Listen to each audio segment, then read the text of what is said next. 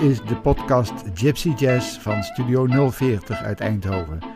In samenwerking met de stichting Hot Club de Frans Nederland en de stichting Sinti Music uit Eindhoven.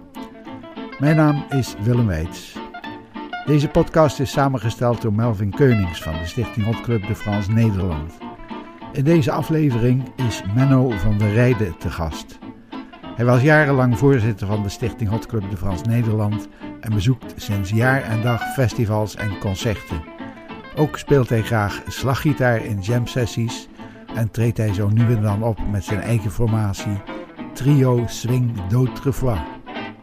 We gaan luisteren naar een interview dat Melvin Keunings onlangs opnam met Menno van der Rijden. Maar eerst muziek. We gaan luisteren naar een beroemd nummer uit de Woody Allen film Midnight in Paris uit 2011.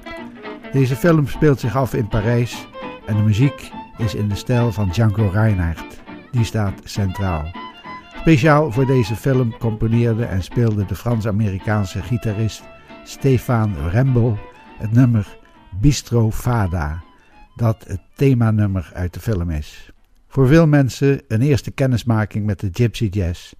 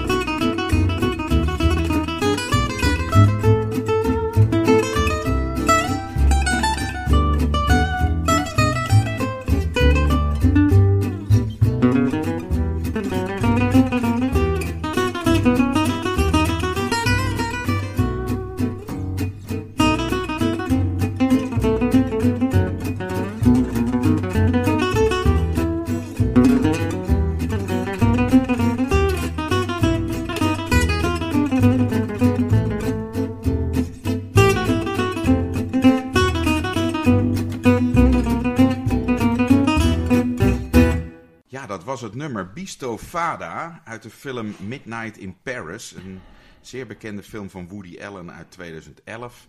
Ik denk dat die film voor veel mensen een, eh, een eerste kennismaking is, ook met Gypsy Jazz. Want die film zit er helemaal vol mee. En dat nummer van, uh, van Stefan Ramble, die, ja, die staat daarin centraal. En Bisto Fada wordt ook heel vaak bij jam sessies gespeeld. Nou, te gast vandaag is Menno van der Rijden. En die uh, was voorzitter van de stichting Hot Club de France. Hij is een heel groot fan. Hij komt altijd op allerlei festivals en concerten, uh, jam sessies. Uh, heel vaak zien we Menno daar. Hij kent ook bijna iedereen en iedereen kent bijna Menno. Uh, ik zou bijna zeggen een, een, wandelende encyclopedie als het over gypsy jazz gaat. Menno, waarom heb je dat nummer Bisto Fada uitgekozen? Want jij bepaalt vandaag waar we naar gaan luisteren. Wa waarom ko koos jij dit nummer uit? Stefan Ramble die is ooit een keertje in Saint-Marc-sur-Seine geweest. En op de camping van Samaro. Ik heb hem persoonlijk ontmoet. En meegekregen dat hij ontzettend aan het worstelen was met het uh, nummer van Django en Difference. En dat hij daar zijn eigen draai aan wilde geven. En hij heeft op een gegeven moment gezegd: Ik ga dat brengen in mijn eigen kroeg in New York. Bistro Vada, de kroeg waar dat Stephen Rumble met zijn band, The Gypsy Experience, vreselijk graag wilde optreden. En Ja. die heeft dat ook gedaan. En daar is Woody Allen langsgekomen en die heeft dat gehoord. En zei, dat nummer dat moet in mijn Midnight in Paris.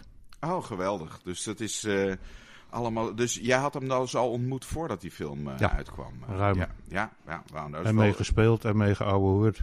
Ja, ja nee, eh, hij is een groot liefhebber en hij organiseert ook het Django Agogo Festival in New York. Waar we ook weer met Irene Ipenburg uitgebreid over gehad hebben. Want die maakt daar dan weer altijd de foto's. Ja, onwijs leuk. Dus wanneer is dat bij- een beetje bij jou begonnen, die, die, die fascinatie voor gypsy jazz? Begonnen in 2001. Een jaar of twintig geleden. Ja. En, en, en hoe? Wat was daar het moment? Wat was het, het, het Eureka-moment dat jij ineens dacht: wat is dit leuk? Waar hoorde je dat?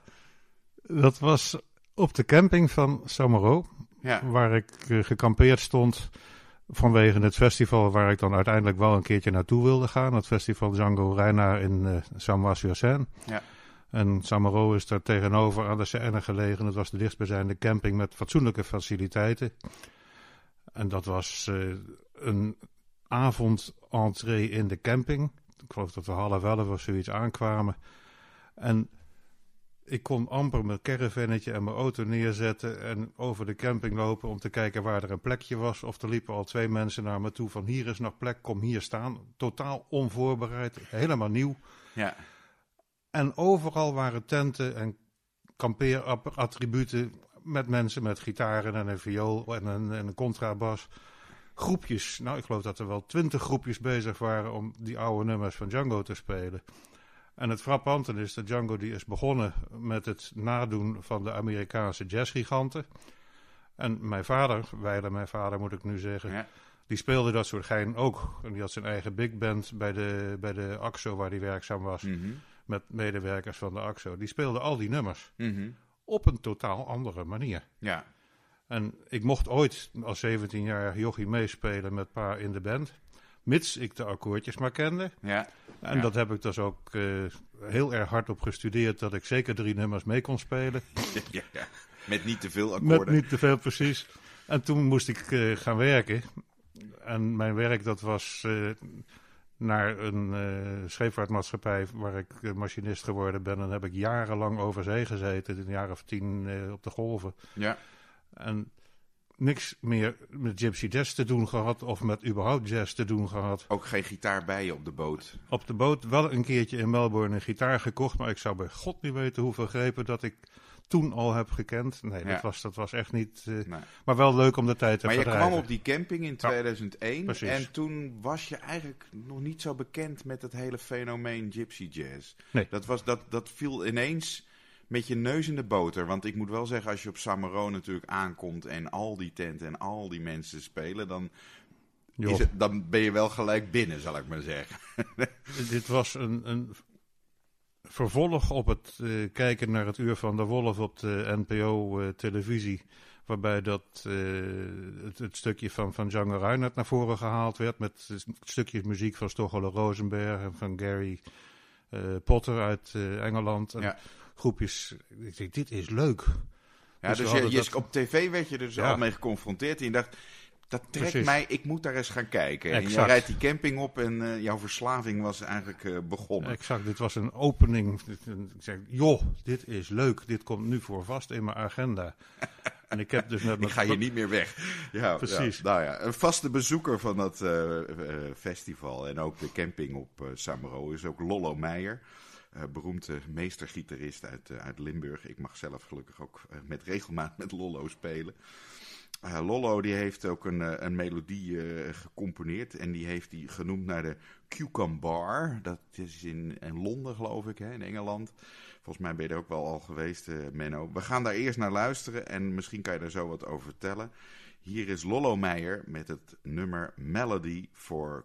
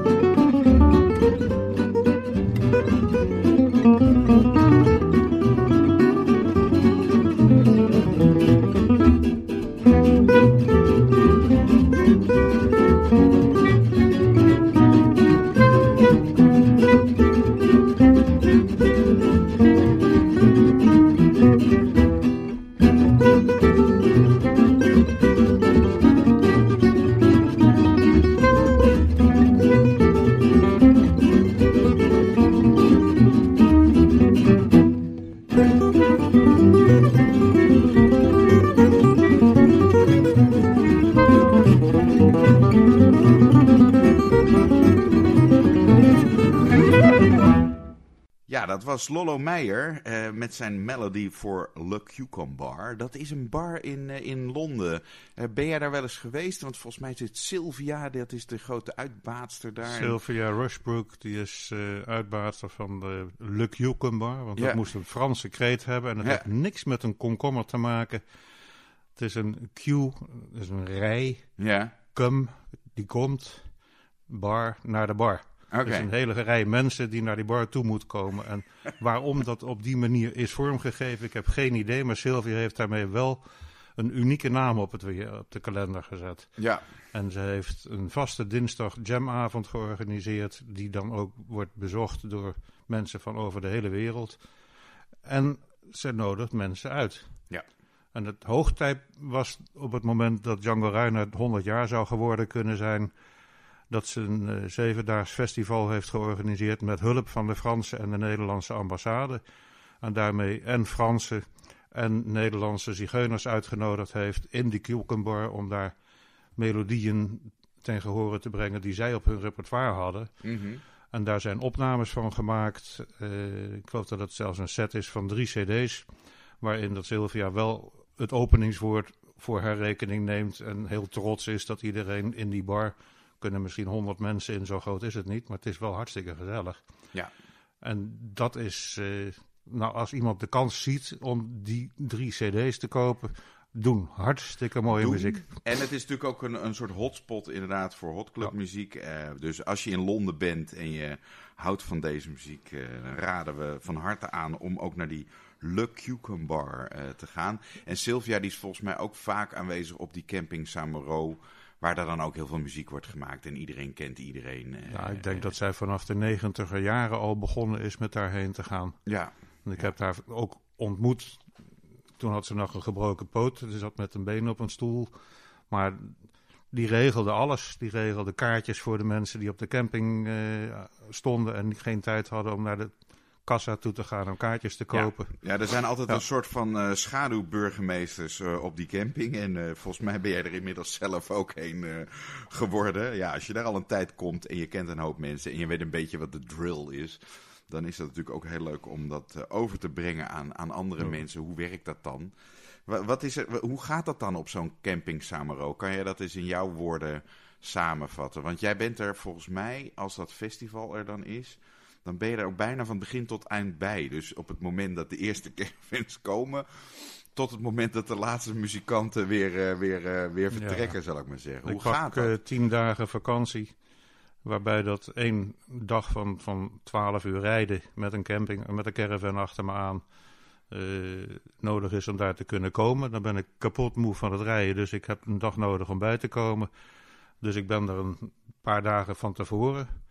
En ik blijf tot een paar dagen na dato. Want gedurende die campingperiode komt er van slapen niet veel als er mensen zijn die muziek maken. nee, dat boven- gaat dag en nacht door. eh, En if you tot- can't beat them, join them. Ja, Dus je pakt maar, een, op- ja, pak maar een stuk instrument en speel maar mee totdat het eh, weer ochtendgloren is. ja. En dan gaat er iemand naar de bakker toe en die haalt dan 30 croissantjes of zoiets. En dan zit je daar gezellig met elkaar croissanten en koffie te doen. Ja. En dan ga je slapen. Ja, ja.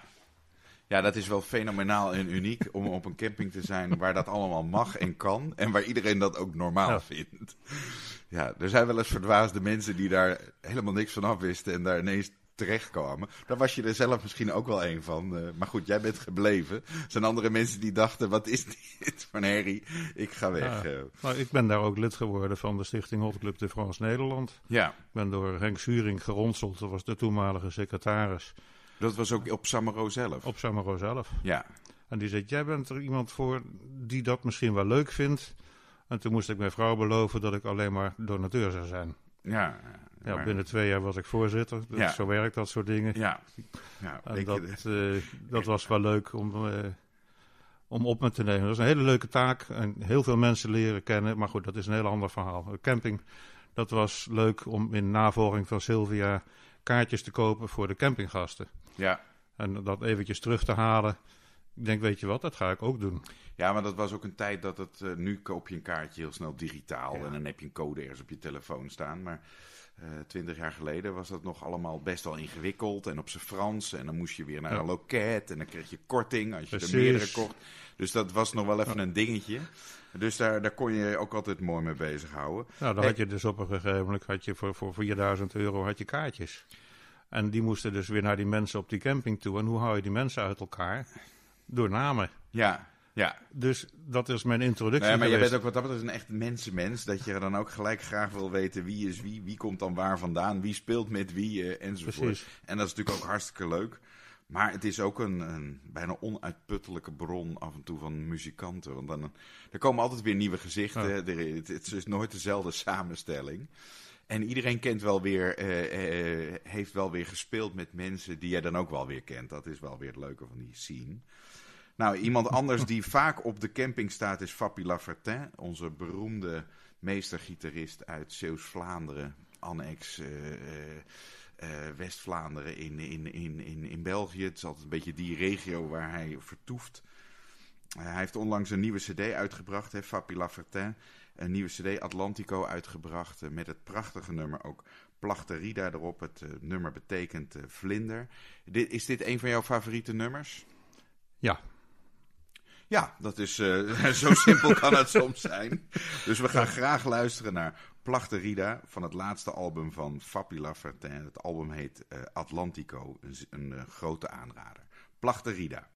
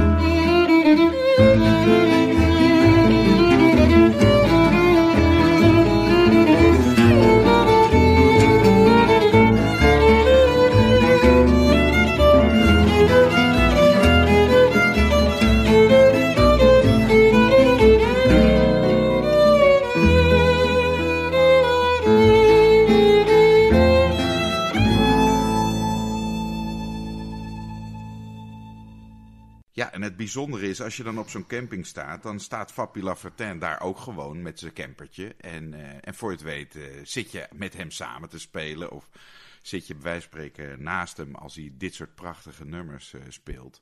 Ja, dat is wel fenomenaal. Kan je wat meer vertellen over die, over die festivals? Want je hebt dan eigenlijk het Django Reinhardt Festival, dat is het, het grootste hoogtepunt.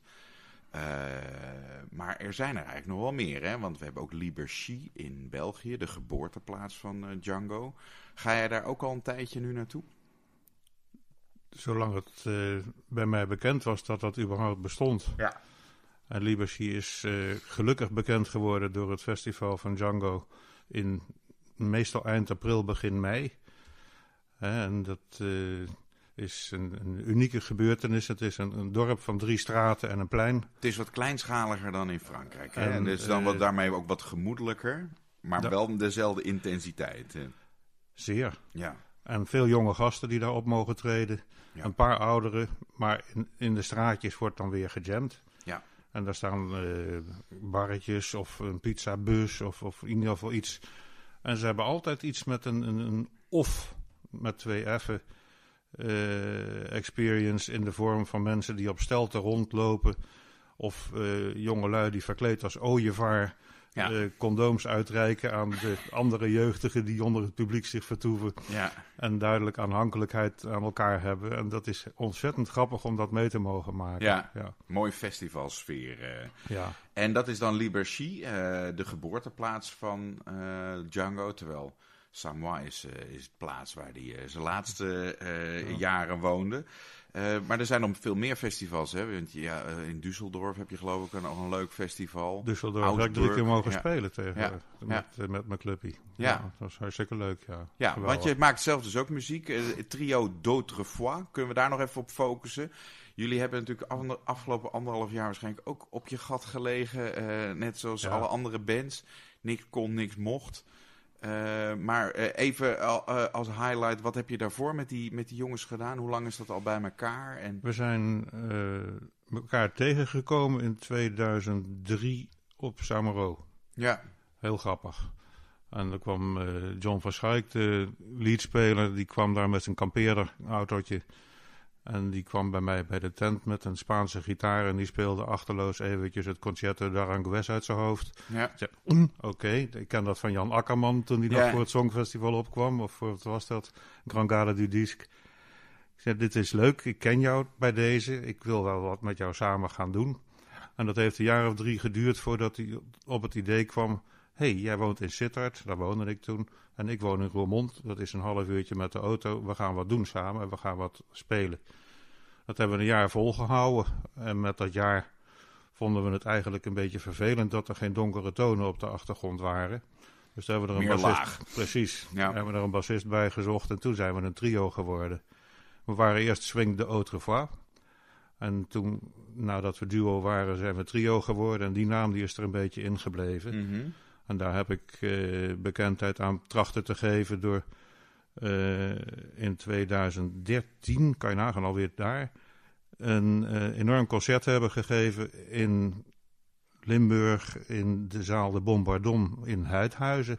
Mm -hmm. En daar hebben we opnames van laten maken. En met, met 20 microfoons en vier camera's en, en een televisie uh, overhead. Uh, ja. Dan zijn we de, een reis van Django Reinhardt na gaan doen vanaf zijn geboorte tot aan zijn dood. Met alleen maar de hoogtepunten daaruit. Mm -hmm. Dat hij begonnen is met een banjo en een jongen met een fluit die met ja. zo'n stokje in die fluit uh, toontjes kon veranderen. En dat hij later overging naar de gitaar en dat hij... Nou ja, fijn, met, met Coleman Hawkins onder andere ja. saxofoon heeft gespeeld. En John was degene die vond dat hij ook saxofoon moest kunnen spelen, naast dat hij gitaar speelde.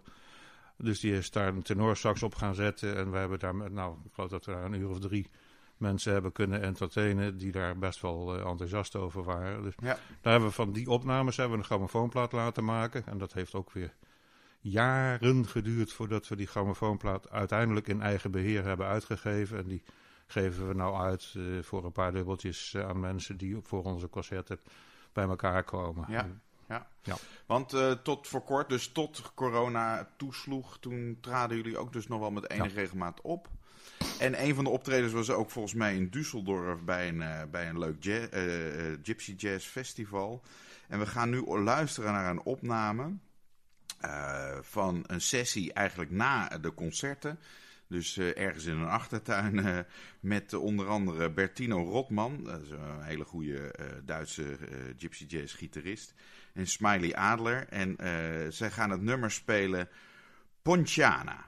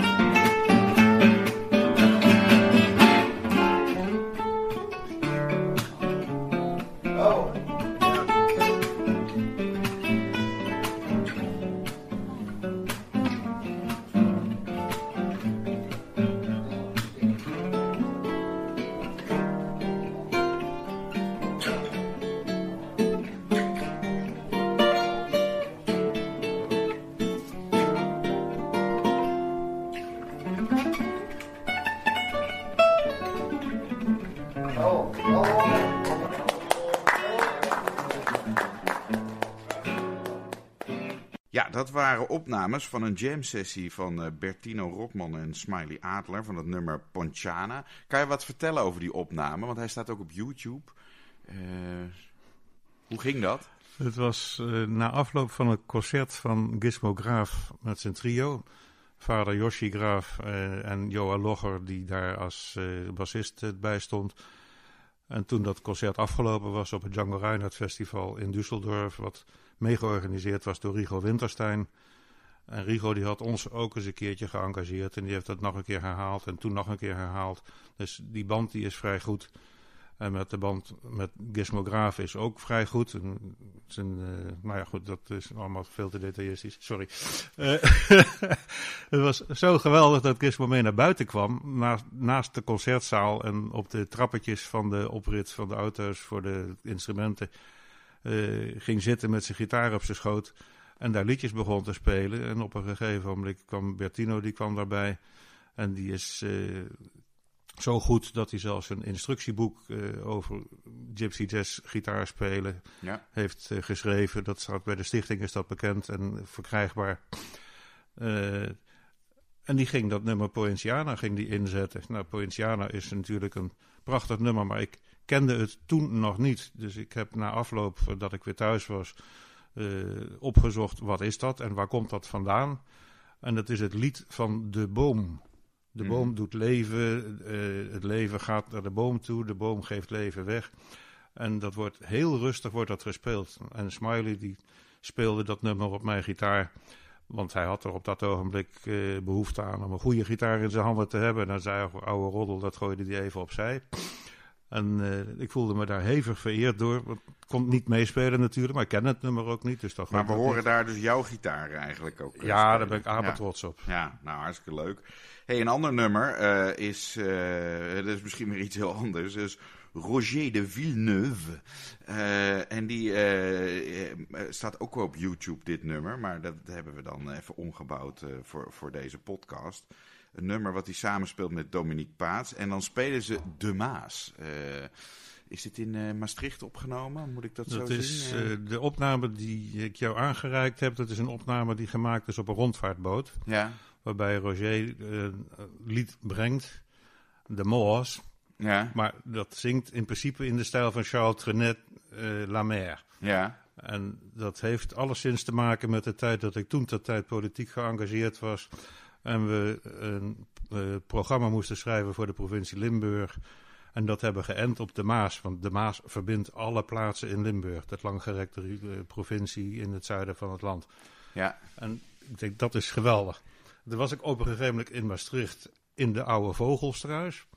En daar kwam ik uh, Henk van Beurden van Sinti Music tegen. Die zei, Menno, je moet nu naar binnen komen, want nu gebeurt er iets unieks. En toen bleek dat Paulus Schever met Dominique Paats daar op een bankje muziek zaten te maken. Dominique is een geweldige accordeonist van het uh, Malande Orkest, heel Ja. bekend nog. En uh, ja, Schever kent langzamerhand uh, in Gypsy Jazz uh, Nederland bijna iedereen. En zeker in de buurten van Eindhoven, Gerwe Nune. Maar wereldwijd eigenlijk. Mhm. En Paulus die zegt, ik hou heel even op. Want ik zie daar iemand binnenkomen met een glas wijn. Al in zijn hand, voordat hij de, de, de oude vogelstruis binnenkwam. En dat was Roger de Villeneuve. En dat Ja. was mijn kennismaking met Roger. En die vent die schuift richting microfoon en die zet me een stem op als, nou geweldig joh. Ja. Zo'n ontzettend goede embouchure, goede eh, klank en op zijn plat Maastrichts. Ja, ik kan het niet nadoen en ik kon het ook maar gedeeltelijk verstaan, maar Het kwam zo- wel binnen. het kwam echt kwam binnen. En dat met eh, Dominique op de accordeon als begeleider, fabuleus. Nou, we gaan er naar luisteren. De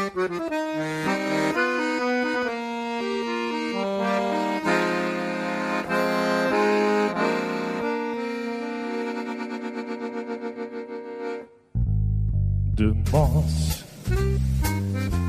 dat is mijn hart, mijn bloed en mijn bonchance. Ben ik in Venlo of Liège, dus de Maas voor het leven. De Maas, tembaar en wild. Ja, voel haar geraas. De ooierwaan is Limburgs land. De levensrondweur, wie gaans leven. De Maas, voor in een grens. Voor mij, voor mij het verband. Romans, maar ook tragiek. Ziekend wie ik nu was. En soms is hij te wild. En toen zie je zijn kracht. Dreef met geweld een leeuw in. En brengt ze uiteindelijk weer samen.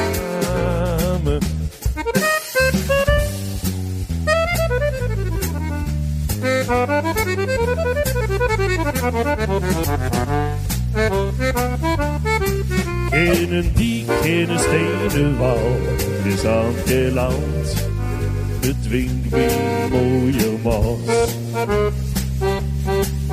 Zie gif, de gier valt kracht, maar ook rust. Zie is niet gehaast. Zo vindt ze in die zelf gaat terug.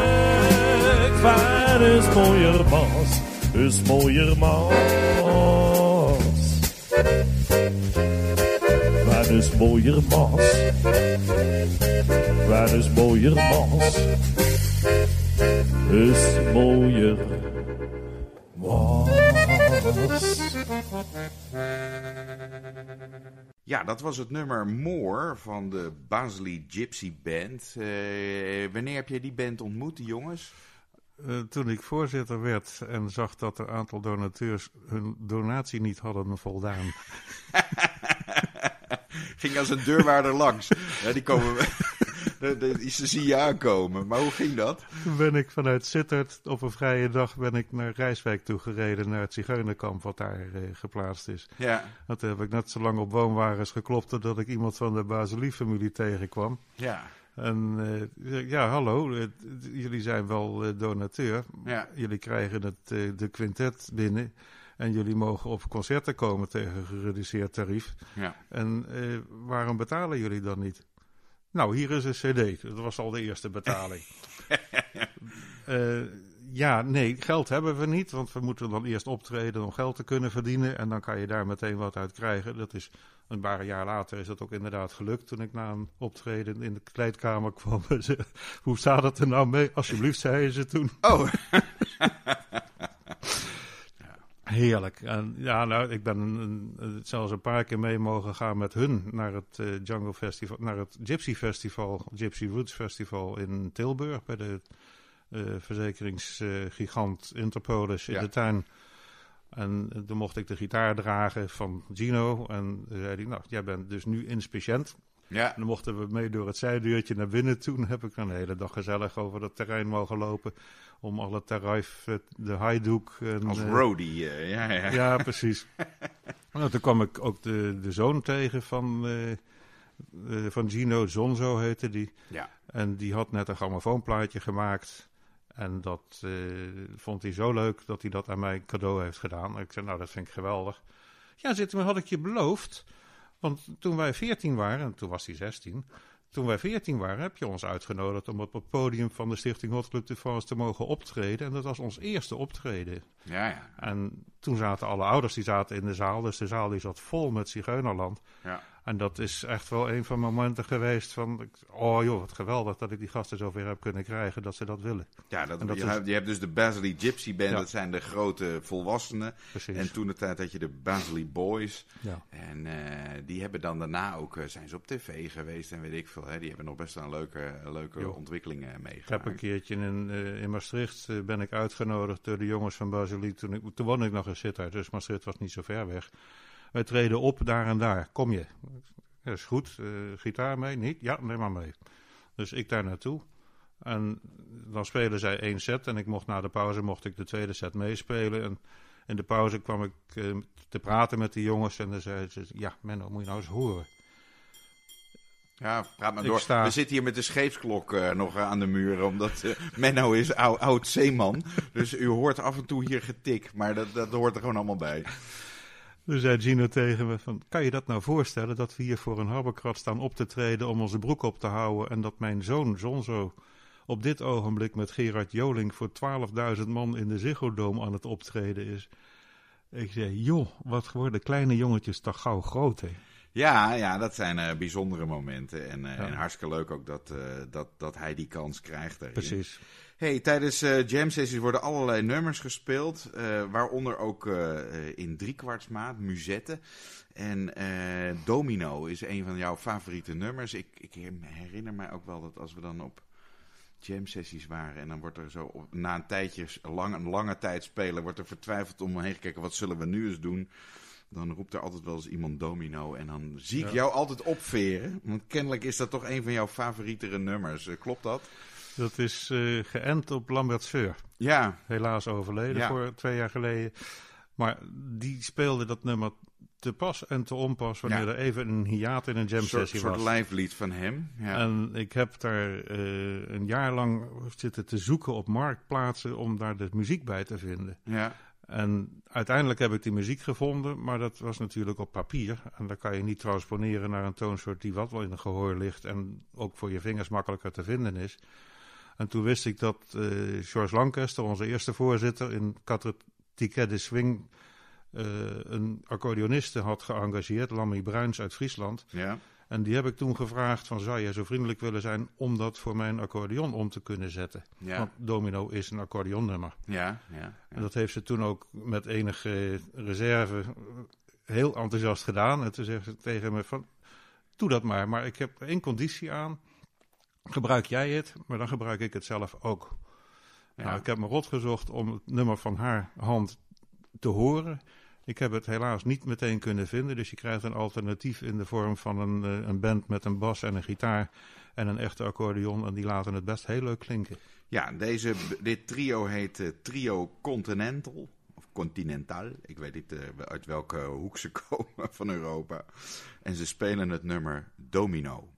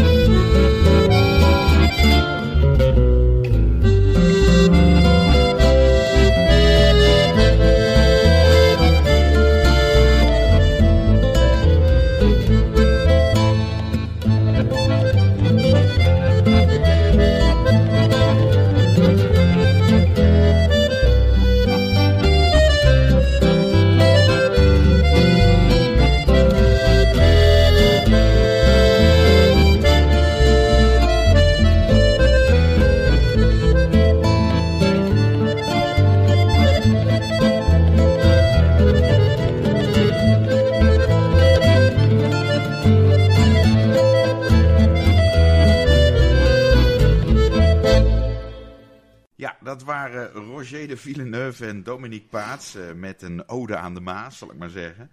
Eh, nou, onwijs leuk. Eh, ehm, die stichting Hot Club de France, daar werd je dus ineens al vrij snel in het bestuur gelanceerd. Volgens mij heb je dat tien jaar gedaan. Ja. En toen heb je natuurlijk ook gewoon heel veel mensen ontmoet. Kan je daar wat over vertellen? Want wat trof je aan en wat waren een beetje je doelen met zo'n stichting? Wat heb je, wat heb je ervan een beetje gebakken? Het belangrijkste was het voortbestaan van de stichting. Ja, Het oude bestuur waar ik eh, in geïntroduceerd werd als eh, jonge medewerker, kom maar eens een paar keer kijken of er überhaupt wat voor je is. Dat begon zich zachtjes aan terug te trekken en die waren ruim 80 jaar. De, die moesten er langzamerhand wel een keertje uit voordat ze helemaal zouden omkiepen. Bovendien hadden we een penningmeester die niet eens wist wat Gypsy Jazz was. En ook inderdaad toen uh, Fabio Lafortin eens een keertje binnenkwam en gratis zonder kaartje te kopen door wilde lopen, zei van wie is die man?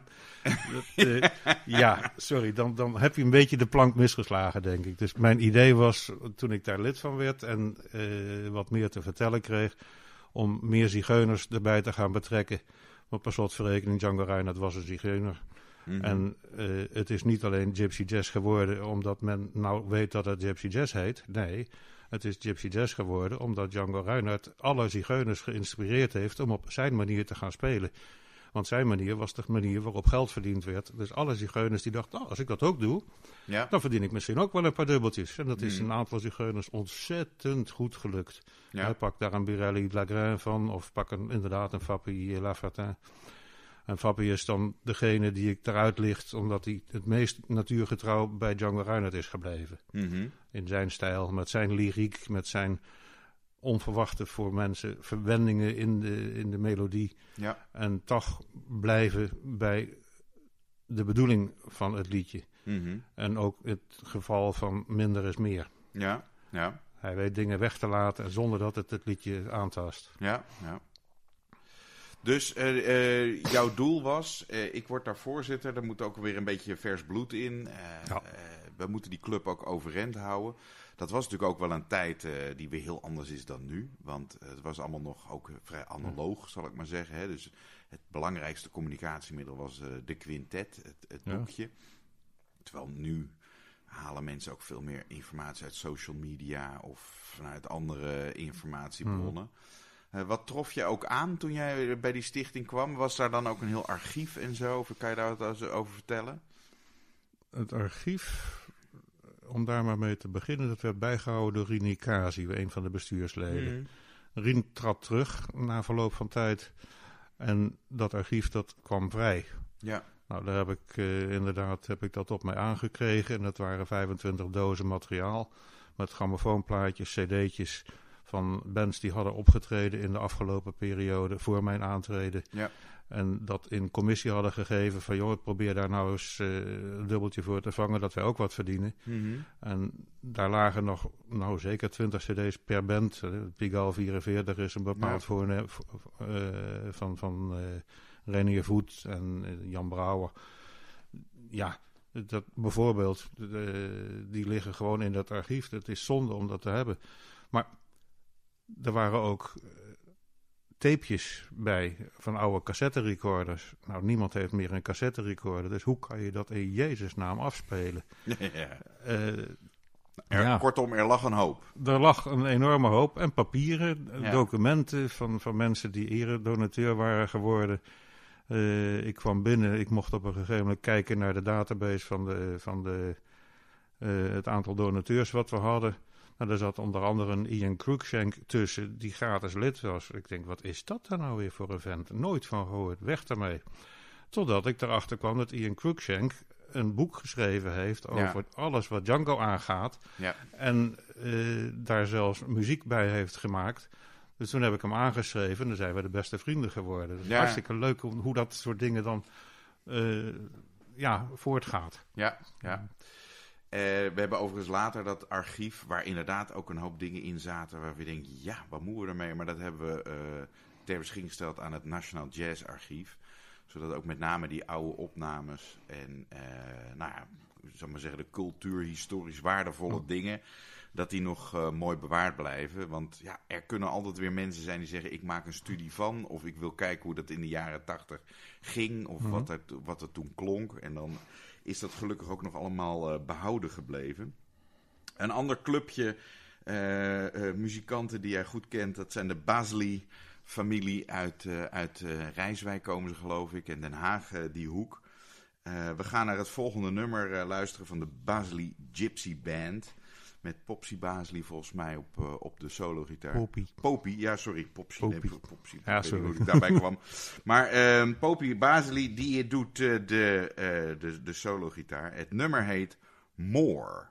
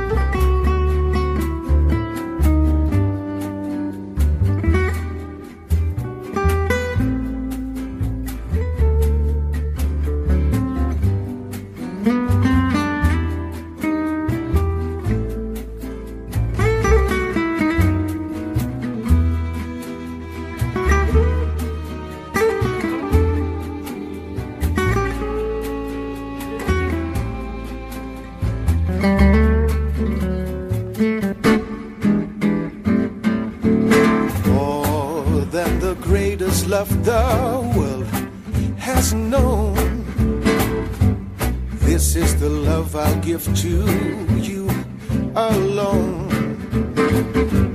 More than the simple words I try to say. I only live to love you more each day more than you'll ever know. My arms long to hold you, so my life will be in your keeping. Walking, sleeping, laughing, weeping. Longer than always It's a long, long time. But far beyond forever, you'll be mine. I know I never lived before, and my heart is very sure no one else could love you more. more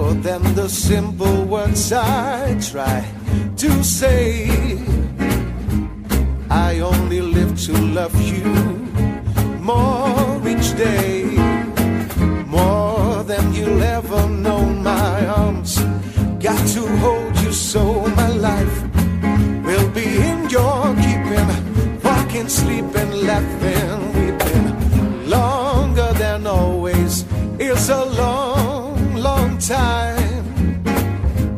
But far beyond forever, you'll be mine. I know I never lived before, and my heart is very sure no one else could love you more.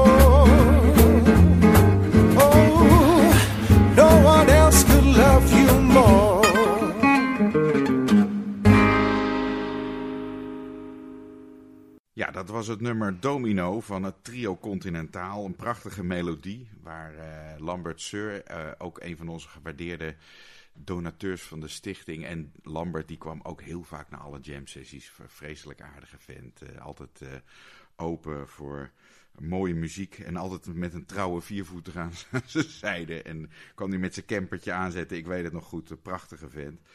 Ehm, en een van jouw favoriete nummers ook. Want je hebt het van Lambert inmiddels zo vaak gehoord dat, eh, je, dat je het zelf nu ook speelt.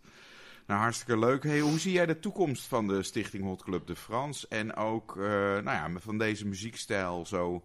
eh, ook misschien wel in vergelijking met 20 jaar geleden. Want er is toch eigenlijk ook best wel volgens mij een enorme opleving eh, in. eh, het gaat in golven, maar dan ineens eh, zie je toch ook weer een heleboel jonge mensen het doen. Wat, wat is jouw beeld van deze muziekstijl? Een Gypsy Swing Revival. Ja, Het is ooit een keertje begonnen in Frankrijk als een alternatief voor de Amerikaanse trompetten. Dat ze een band hebben samengesteld, het quintet du Hot Club de France. Eh, wat alleen op snaren speelde. Ja. En heel virtuoos door Django al die liedjes ingevuld die in principe in het Amerikaanse repertoire voorkomen. ja, Eh, dat al die Amerikanen die Amerikaanse muziek natuurlijk, Amerikaanse jazz mooi vonden. Dat is logisch, want dat is hun eigen land, dat zijn hun eigen mensen. Maar toen ze hoorden dat in Frankrijk eh, hun muziek op een totaal andere manier gespeeld werd, dan zijn er behoorlijk wat Amerikanen gaan denken van ja, maar hallo, eh, wij spelen mainstream, wij spelen allemaal hetzelfde. Misschien moeten wij ook wel die kant op. En hetzelfde idee als die zigeuners die zeiden, ja, Django verdient centen met de manier van spelen. Laten wij dat ook maar doen. Dus er zijn een aantal jongens in Amerika ook begonnen met diezelfde stijl aan te nemen. ja. En die staken daarbij af tegen de rest van de jazzwereld en gingen ook geld verdienen. Die werden ook geëngageerd door verschillende clubs om bij hun te komen spelen. En Stephen Ramble is daar natuurlijk een, een geweldig voorbeeld van, omdat we die in het begin van het verhaal een beetje naar voren hebben gehaald. ja. En dat, eh, dat zijn er meer. Dus overal is tegenwoordig een hotclub. ja. Er is een hotclub San Diego, er is een hotclub Las Vegas, er is een hotclub Los Angeles, er is een hotclub. Detroit, er is een hotclub... nou, noem het maar op. Maar ook in Nepal en in, in, in, in Taiwan. En ja, je, je- eigenlijk struikel je erover in de hele wereld. Dat is wel ook heel bijzonder. Ja. En ook het leuke verbindende van die muziek op een of andere manier. Dat het toch een soort eigenheid heeft. Maar ook wel weer een heleboel verschillende mensen raakt. Tot in Zuid-Amerika, Brazilië, eh, India. Je weet het eigenlijk zo gek niet te verzinnen. Of er Mhm. zit ook een hotclub scene met muzikanten die dit uitwisselen. Nou, ik spreek geen woord Japans, maar een Takayuki Kikuchi, een hartstikke goede Japanse gitarist, kwam op een gegeven moment naar Samaro, naar de camping, en die ging voor mijn tent staan. Ja, I know you, kon hij nog uitspreken, maar voor de rest was er alleen maar puur Japans. Ik en nou, muziek maken, want dat is, dat, dat is dan de Dat- taal die je spreekt. eh. dat is internationaal. ja. Als je gewoon iets simpels als minor swing inzet, dan is er iemand die daar een antwoord op heeft. En dan heb je al gauw een jam sessie aan de gang. Want na minor swing heb je elkaar afgetast. En weet dat iemand anders meer in zijn mars heeft. Dus je gaat ook moeilijkere nummers spelen. En uiteindelijk eh, kom je tot een, een, een sessie die doorduurt tot het ochtendgloren, zeg maar. Dat, ja, eh, en dan weer doorgaat. Ja, En dan maar, weer- Maar, maar geen eind aan komt. eh nou, geweldig. Nou, er komt wel een eind aan deze podcast. Want volgens mij, ja, met Menno van der Rijden is het wel zo dat als je er een kwartje in gooit, dan kan je uren doorgaan. Maar we hebben afgesproken dat we de uitzendingen niet te lang maken. Dus we gaan over naar het laatste nummer van deze podcast. Een nummer van de band Eva sur Scène. Wat eigenlijk eh, begonnen is als het trio Baggerman plus eh, zangeres Eva eigenlijk. En die hebben daarna ook dat, dus eh, Eva sur Scène eigenlijk als, als bandnaam aangenomen. En een van hun specialiteiten was eigenlijk het het, het, het pakken van instrumentale nummers van Django Reinhardt, die zelf nooit zong, maar wel vaak ook mensen op zang begeleiden. Maar zijn eigen composities zijn toch vaak instrumentale Mm. nummers. En wat zij dan doen is daar een melodie eigenlijk op zetten. En dat hebben ze ook gedaan met de melodie van Django Reinhardt, Vamp. eh, waar zij eh, eh, tekst op hebben gezet. Kan jij, kan jij vertellen misschien nog wat, wat, wat is de sprankeling van, van, van Eva sur scène? Of wat, wat spreekt jou aan in die muziek? Ik heb Eva ontmoet op de bruiloft van Fred en Corine. En dat zijn vrienden van ons in Amsterdam, die ik ook weer in Samaro heb leren kennen. En die gingen op een gegeven moment gingen ze toch eh, hun samenlevingsverband omzetten in een wat duurzamere huwelijksverbintenis. Ja. En die hadden Eva en de Baggermans uitgenodigd om voor hun te komen spelen. En ik was zo weggevallen, weggeslagen, hoe heet dat in het... eh, Je smolt. Ik smolt van Eva, niet alleen vanwege de, de, de presentatie, daarvoor komen. Maar ook omdat zij eh, de moeilijke nummers, bijvoorbeeld van Ella Fitzgerald, op een dusdanige wijze heeft kunnen vormgeven dat het een genot voor het oor is. Ja. En Vamp was een nummer wat sowieso hartstikke moeilijk is om te spelen. En ik heb het zelf ook op de plaat staan. Ja. En eh, daar hebben we echt hebben we maanden op geoefend voordat we daar de akkoordenwisselingen op een fatsoenlijke manier hadden. Dat we de melodie met net die halve nootjes hier en die halve nootjes daar eh, goed achter elkaar hadden gezet. En Eva die gooit dat zo uit haar strot. Ik vond dat zo geweldig. man. Ja, ja. Heerlijk, ja, Ja. echt. Die kwam wel even binnen. Nou, wat een mooi einde om deze podcast dan te besluiten. Menno, onwijs bedankt voor al jouw wetenswaardigheden. En wellicht eh, horen we je nog ook wel een keer terug in een volgend deel. Eh, dus eh, dank daarvoor. Dank voor jouw gastvrijheid hier in Veenendaal. En eh, we gaan luisteren naar Eva sur scène met het nummer Vamp. I was looking for love, been searching for it everywhere, my love. I just couldn't open my